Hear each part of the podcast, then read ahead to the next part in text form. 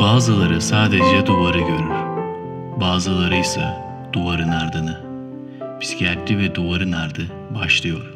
Merhaba herkese. Cengiz ben. Yeni bir podcast kaydıyla karşınızdayım. Bugün ilk defa kendi hastanemden bir kayıt gerçekleştiriyorum. Depremden sonra, İzmir depreminden sonra e, bir hocamı konuk etmek istedim. Kendisinin bu konuda çok fazla deneyimi olduğunu biliyorum aslında. Kendisi hem 99 Marmara depreminden sonra doğrudan bölgede bir süre zaman geçirmiş ve depremzedelerle ilgilenmiş çalışmalar yapmış birisi ve yine aynı zamanda 2011 Erciş depreminden sonra da bölgede incelemeler olmuş ve yine bu konuda çalışmalar yapmış, yazılar yazmış birisi. Bu deprem tabii ki olumsuz bir olay ama bu olayı duyunca ve özellikle de sosyal medyada çok fazla şeye de maruz kalınca aklıma ilk ona sormak geldi. Yani insanlar bir şeyler yapmaya çalışıyor. Hani derler ya kiminin doğası, kiminin parası, kiminin de terapisi gibi bir şey vardı ve bu durum biraz beni tedirgin etti. Acaba insanlar gerçekten doğruluğunu mu yapıyorlar yoksa kendini rahatlatma isteğinden başka bir şey değil mi? Bunu kendisine de sormak istedim.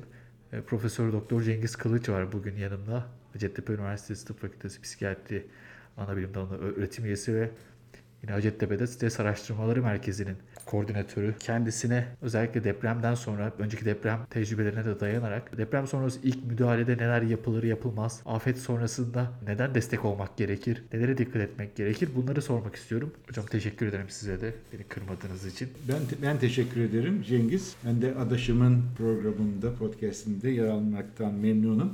Gerçekten de 1999 depremi birçoğumuzun hayatını çok değiştirdi. Ben de o dönemde Londra Üniversitesi'nin bir projesinde alanda hem e, klinik araştırmalar hem de ruh sağlığı tedavisi ile ilgili müdahaleler için proje yürütücüsü olarak oradaydım.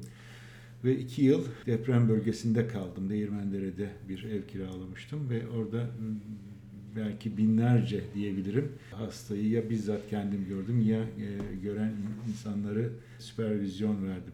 Şimdi gerçekten de deprem yani yaşanabilecek en korkunç afetlerden, felaketlerden bir tanesi. Bizi ruh sağlığı çalışanlarını, psikiyatristleri ilgilendirme tarafı şu, korkutuculuğu nedeniyle, yıkıcılığa ek olarak korkutuculuğu nedeniyle, bir de kayıplara yol açması nedeniyle kalıcı ruhsal izler bırakabiliyor.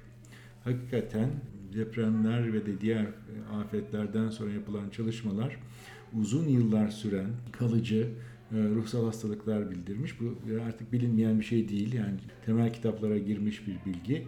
Yaklaşık 4 kişiden e, bazen 3 kişiden biri bu tür olaylar yaşamış insanlardan bir kişi yıllarca süren travma sonrası stres bozukluğu başta olmak üzere ruhsal hastalıklara yakalanıyor. Bu da neyi gösteriyor? Bu durumlarla nasıl başa çıkarız? Yani e, afetlerden yaralanan ya da hayatını kaybedenlerle ilgili yapılacak şeyler çok belirli, belki de sınırlı ama ruhsal e, hastalık oranları çok yüksek olduğu için yapılabilecek şeyler olmalı.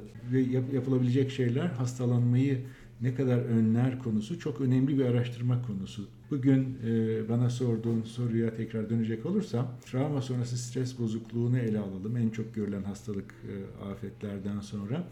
E, bunun kronik hali yani üzerinden bir zaman geçtikten sonraki klinik görünümü ile ilgili yapılacak şeyler gene biliniyor. E, psikoterapiler var, ilaç tedavileri var. Fakat daha ilginç, belki daha önemli olan erken dönemde yapılan şeyler işe yarar mı? Hakikaten bu konuyu çalışan çok insan var ve iki ana ne diyelim yaklaşım var. Bir kısım araştırıcı acaba bir afetten hemen sonra depremden çıkarılmış insana mesela aynı gün bir ilaç versek, mesela bir antidepresan versek, mesela bir beta blokör ilaç versek, hani bu çarpıntıyı gideren ilaçlar. Bunlar işe yarar mı? İşe yaradığını gösteren çalışmalar var ama yaramadığını gösteren çalışmalar da var. Gerçekten de bu konu hala e, çok e, net değil. Bazı kişiler ilk günlerde benzodiazepinlerin yani diazen benzeri bu yeşil reçeteli ilaçların verilmesinin etkisini araştırdılar. E, olumlu sonuç bulan var, bulmayanlar var. Daha çok üzerinde durmak istediğim ise psikolojik müdahaleler. Bunlar neden önemli? Çünkü ilaçlara oranla çok daha belki kolay, maliyeti yok denecek kadar az olabilir. Hele hele basit yöntemler bulunabilirse. Bu konuda e, özellikle 99 depreminde acı bir tecrübe demem, demem lazım. E, acı bir tecrübemiz var. O da debriefing denen bir yöntem. Yani hala bildiğim kadarıyla bir Türkçesi yok. Anlattırma e, denebilir, içini dökme denebilir, pek çok isimler verilebilir. Ama e, çok çok eskiden beri e, bilinen, özellikle askeri literatürde çok bilinen bir, bir kavram. Savaşta ya da kazalardan sonra çok korkmuş insanlara yaşadıklarını anlattırma diye özetlenebilecek bir yöntem. Çok eskiden beri uzun yıllardır yap, yapılan bir şey. Depremde de Türkiye'de pek çok ülkede olduğu gibi bunun yaygın biçimde uygulandığını biliyoruz. Ancak Türkiye'de bunun etkileri konusunda e, sistematik bir çalışma e, ben bilmiyorum yapıldığını ancak gözlemlerimiz var ve yarardan çok zarar e, verebildiğini bu yöntemin o günlerde de söylüyorduk, halen de söylüyoruz. Nitekim depremden hemen sonraki yıllarda 2000 yılında en azından birkaç çalışma var. Sistematik gözden geçirmeler. Debriefing yönteminin yarardan çok zararlı olduğunu artık biliyoruz ve bütün uygulama kuralları diyebileceğimiz kitaplarda afetlerden sonra erken dönemde debriefing uygulanmaz diye yazacak kadar kesinleşmiş bir şey bu. Niye böyle? Aslında şaşırtıcı değil. Yani her her yararlı şeyin herkeste her durumda yararlı olması gerekmez. E, debriefing, e, olayı anlattırma diyebileceğimiz bu, bu yaklaşım afetten zarar gören kişilere değil, afette çalışan kişilere yani yardım e, eden kişilere uygulandığı zaman, deneyimli kişilerce uygulandığı zaman işe yarayabiliyor. Ve bunun da birçok örneği var ama amatörler tarafından kısa bir eğitim belki de eğitim hiç almadan depremzede ya da afetzedelere uygulandığı zaman çok yaygın biçimde kişilerin zarar görme ihtimali daha fazla. 99 depreminde bu bilinçsizce uygulanan e, debriefing yöntemiyle ilgili depremzedelerden birisi şöyle demişti. O, o hani aklımıza yer eden bir örnek. Geldiler böyle bizimle konuştular, yaralarımızı açtılar, kapatmadan gittiler demişti bir, bir depremzede. Hakikaten böyle böyle olma ihtimali var. Evet hocam siz hani bu yöntemin olası e, zararlarından bahsettiğiniz geçmiş tecrübelerinize dayanarak elbette elimizde net bir e, veri yok ama sahada doğrudan yer almış birisi olarak bunları gördünüz. Bir başka dikkat çekmek istediğim şey aslında pek çok insanın o taraftan bakmadığını düşünerek bunu sormak istiyorum. İkincil travmatizasyon. Özellikle iyi niyetle, gayet yardımsever hislerle o depremden sonra bir müdahale etme çabasıyla bazı sosyal hizmet uzmanlarının, psikologların e, bir şekilde kendisini ya yetkin olsun olmasın bu alanda bir şey yapabilecek olarak gören insanların bu insanlara yardım etme çabası var en başta ve aslında dediğimiz gibi yani siz bir psikoterapist de olsanız herhangi bir ekolden yetişseniz de kendinizi gayet donanımlı hissetseniz de galiba bir afet sonrası çalışma durumu diğer e, durumlardan daha farklı. Yani travmayla çalışmak için başka bir türlü bir eğitim almak, süpervizyon almak, e, başka türlü bir tornadan geçmek gerekiyor belki de hani deyim yerindeyse. Ben kendi adıma da bunu söyleyebilirim. Yani doğrudan travmayla çalıştığımız bir eğitimde değiliz ya da e, diğer psikolog, klinik psikolog, psikiyatrist arkadaşlar için de doğrudan aynı şeyi söylemek mümkün değil. Her ne kadar travma sonrası stres bozukluğu en çok görülebilir desek de bir depremzede de her travma ve sonrası stres bozukluğu da herhalde aynı şey değil. E, bunun e, farklı farklı yansımaları olabiliyor. Ben bu noktada hani bu ikinci travmatizasyona uğramasın diye sağlık çalışanları bu iyi niyetle çıktıkları yolda hani neye dikkat edebilirler onlar bir diğer şey gerçekten hani ben tabii burada fikrimi belirtmiş oldum ama gerçekten de bir ruh sağlığı çalışanı, uzmanı doğrudan bir eğitim almadan travmayla mücadele etmek konusunda hani nerede durmalı? Gerçekten de fayda sağlayabilir mi? Ve nelere dikkat edilmeli burada? Şimdi e, bu, bu çok zor bir soru. Eğer e, genel olarak travmaya e, uğramış birine nasıl yaklaşalım mı soruyorsan o onun cevabı çok uzun ama eğer bu tür afetlerden sonra yapılacak müdahaleler, e, insanların donanımı ne olmalı, soruyorsan yani ikincisine hani cevap vermeye çalışayım. Birincisi biraz daha zor bir soru. Bir kere en baştan şunu şunu söyleyeyim. Yani demin ilk bölümde anlattığım debriefing konusunda e, deneyimsiz, tecrübesiz pek çok insanın bölgeye gittiğini, bunların bırakın depremzedelere yardımcı olmak, bir kısmının kendilerinin hastalandığını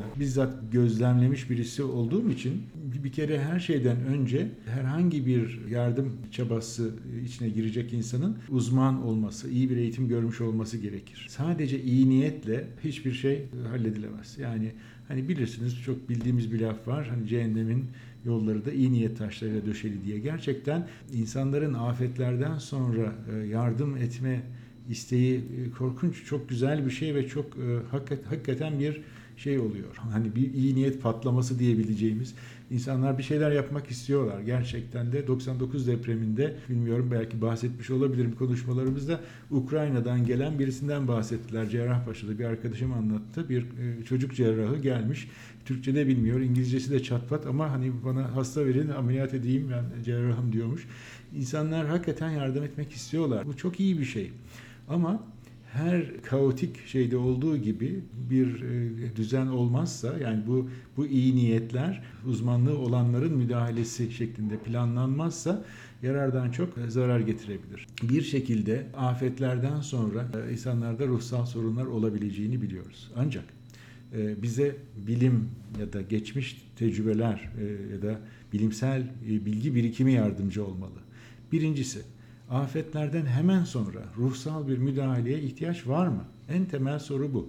Yani bizim demin sorduğun soruyla doğrudan ilgisiz gibi görülüyor ama yani potansiyel terapistler için söylüyorum. Yani ben de senin söylediğin gibi Twitter'da, şurada burada pek çok yerde görüyorum. Yani hemen yardıma koşalım, koşuyorum ya da geliyorum, hemen terapi yapmaya başlıyorum diyenler için söylüyorum. Yani e, az önce şeye bakıyordum. Bir 99 e, depreminden sonra yayınladığım bir yazının sonunda afetzedelerin önemli bir kısmının ya da ruhsal sorunu olanların önemli bir kısmının yardım için başvurmadığını saptadığımızı söylüyorum yazının sonunda. Bir kere yani insanların ruhsal tedaviye, ruhsal bir müdahaleye ne kadar ihtiyacı var ya da en önemli, en acil ihtiyaçları o mudur e, konusunu düşünmek lazım. Kendi kanaatim, gözlemim ve çalışmalarımdan edindiğim e, izlenim şudur.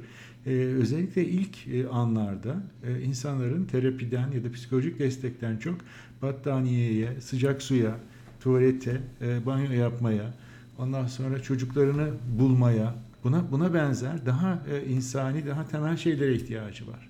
Yani aramızda deprem sonrasında böyle şakalaşarak konuştuğumuz bir şeydir bu yani. Mesela bazen bir battaniye bir terapistten e, çok daha faydalıdır. Gerçekten de bir öncelik sırası yapmak gerek. Ondan sonra kimin acil e, ihtiyacı, yardıma ihtiyacı var konusunu da gene araştırmalar ve bilimsel bilgilerle desteklenmesi lazım. Kimlere erken müdahale edersek sonrasında uzun dönemde hastalanma riskini azaltırız diye. Buna benzer şeyler hangi yöntem işe yarar diye. Yani bir müdahale edelim de ne olursa olsun yaklaşımı yarardan çok zarar getiriyor. Debriefing örneğinde olduğu gibi. Gerçekten de bazen en önemli terapi yöntemi işte ne bileyim şefkatle sarılan bir e, akraba, yakın, kişinin yakını olabilir işte dediğim gibi fiziksel ihtiyaçlar olabilir. 99 depreminden sonra yani bu söylediğim şeylerin hani ne kadar basit ama ne kadar önemli olduğunu gösteren bir şey hatırlıyorum. Bir e, sivil toplum kuruluşu çocukları toplayıp e, güvenli bir yere götürmeyi, ondan sonra onlara bakmayı, yedirmeyi, içirmeyi üstlendi. Bütün masrafları e, karşılıyorlar ama e, hiç kimse çocuğunu vermiyor diye şikayet ediyordu. Yani bu kadar insanlar kendini kaybedebiliyor. İnsan niçin çocuğunu versin? Yani deprem sonrasında e, ona sarılıp ona, ona yakın dur, durmak ister insan. Hani açsa bile değil mi? Bunu maymun deneylerinden bile biliyoruz. Bir bir e, şey kafes telinden oluşan bir maymun yavru maymuna e, süt veriyor. Öbüründe sadece şey var. kürkle kaplanmış olan ve süt vermeyen bir maymun var. Maymun gidip öbür tarafta sütünü içip gelip e, kürklü yerde ona sarılarak uyuyor. yani çok çok temel bazı bilgileri bilmiyoruz. Bunu bunu söylemek istiyorum. Yani sorunun dışına çıktığımın farkındayım. Şunu söyleyeyim. E, kime e, kimin yardıma ihtiyacı var e, belirlemek ve bunu uzmanların yapması gerekir. Erken dönemde bazı müdahaleler işe yarayabilir. İstersen onu e, başka sorun var mı bilmiyorum ama ona da girebiliriz. Tam bu sarılma örneğini vermişken aklıma geldi. Şimdi zaten malum hani korona dönemi siz onunla da ilgili çalışmalarda e, bulunuyorsunuz. Hani bizim işte yas ritüellerimiz vardır, matem ritüellerimiz vardır. Yani bir ölünün arkasından hani bir taziye ev olur, bir taziye çadırı kurulur. İşte gelene yemek verilir, dua edilir, beraber ağlanır. Hatta bazı bölgelerde ağlama için parayla insan tutulur. Hani o ağlasın da o e, herkesin o katarsisini sağlasın diye. Yani o denli kulağa belki duyunca çok tuhaf gelir ama bizim kültürümüzde olan şeyler var aslında. E bir yandan bu dönem, bir yandan bu deprem e, insanlar hani hem kendilerini koronadan korumalı hem bu yastan hani temiz bir yas gerçekten ona uzun vadede zarar vermeyecek bir şekilde bu acının matemini yaşamalı. Tam bu dönemden ikisinin aynı anda denk gelmesi gerçekten bu depremzedelerin uzun vadede daha büyük problemler yaşamasına, gerçekten bu travmatik yaşantıların uzun vadede e, etkilerini bünyelerinde barındırmalarına neler olabilir mi? Çok çok önemli bir soru ve bu konuda elimizde bildiğim kadarıyla henüz veri yok. Bir, bir şekilde diyelim ki hem virüsün öldürücü etkisini biliyoruz hem de geleneksel bir törenle kayıplarımızı uğurlayamıyoruz.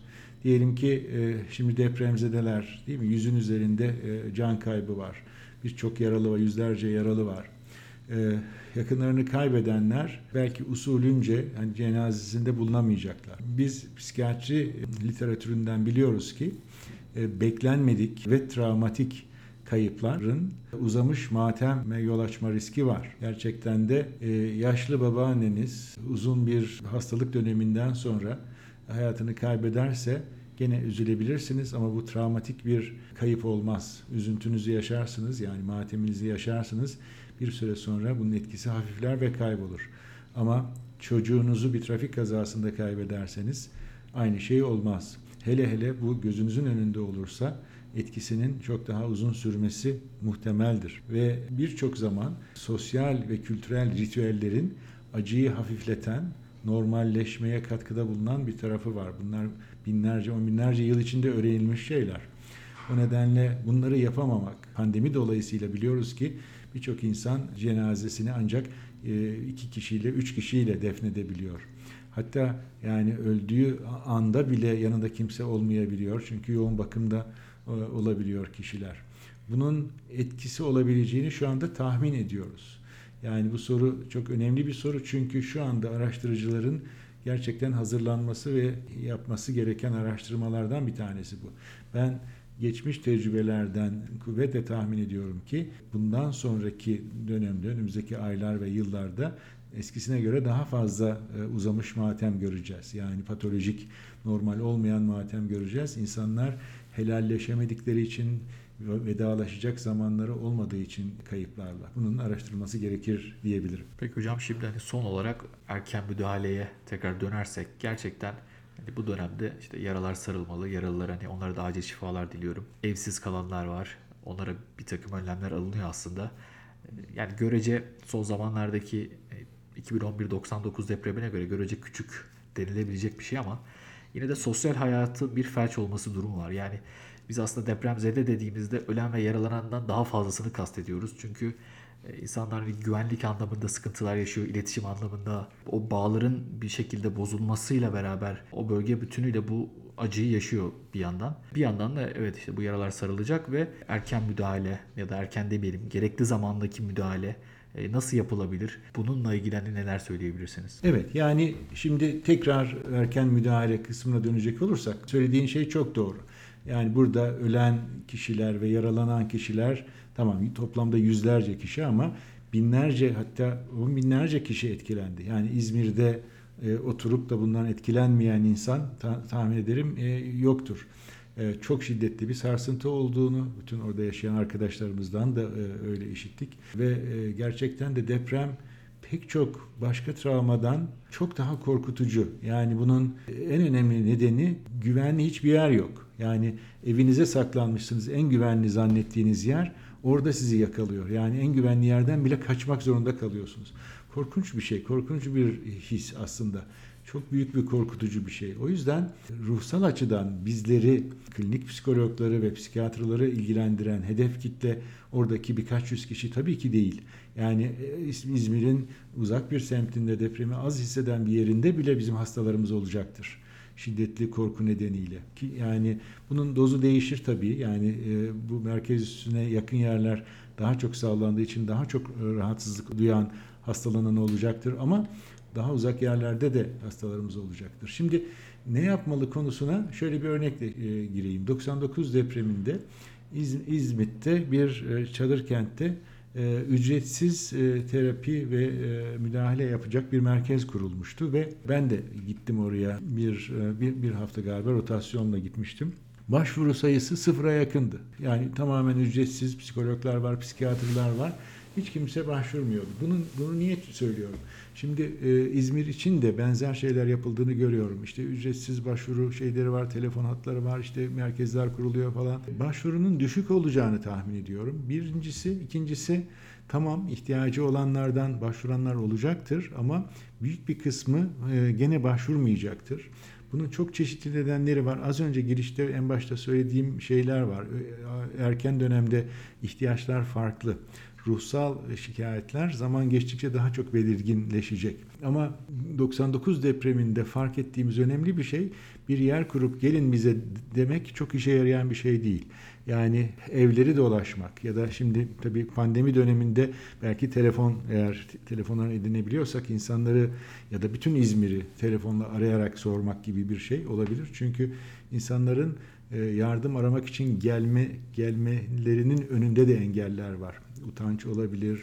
Yani herkes e, canıyla uğraşırken ben niye psikolojik bir şeyle insanların zamanını alayım gibi düşünceler olabilir. Pek çok e, bunun şeysi var.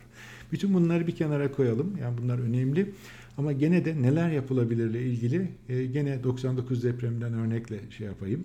Bir görüşümü söylemeye çalışayım. 99 depreminde deprem yaşayan ve deprem korkusu olan birçok kişiye topluca grup halinde bir seanslık ya da iki seanslık müdahaleler yaptık ve bunların yardımcı olduğu, etkili olduğu e, gösterildi ve bunlar yayına da dönüştüler. E, bunların kaynaklarını belki daha sonra seninle paylaşabilirim. Gerçekten de depremin ruhsal etkilerinin e, anlatıldığı bir seans.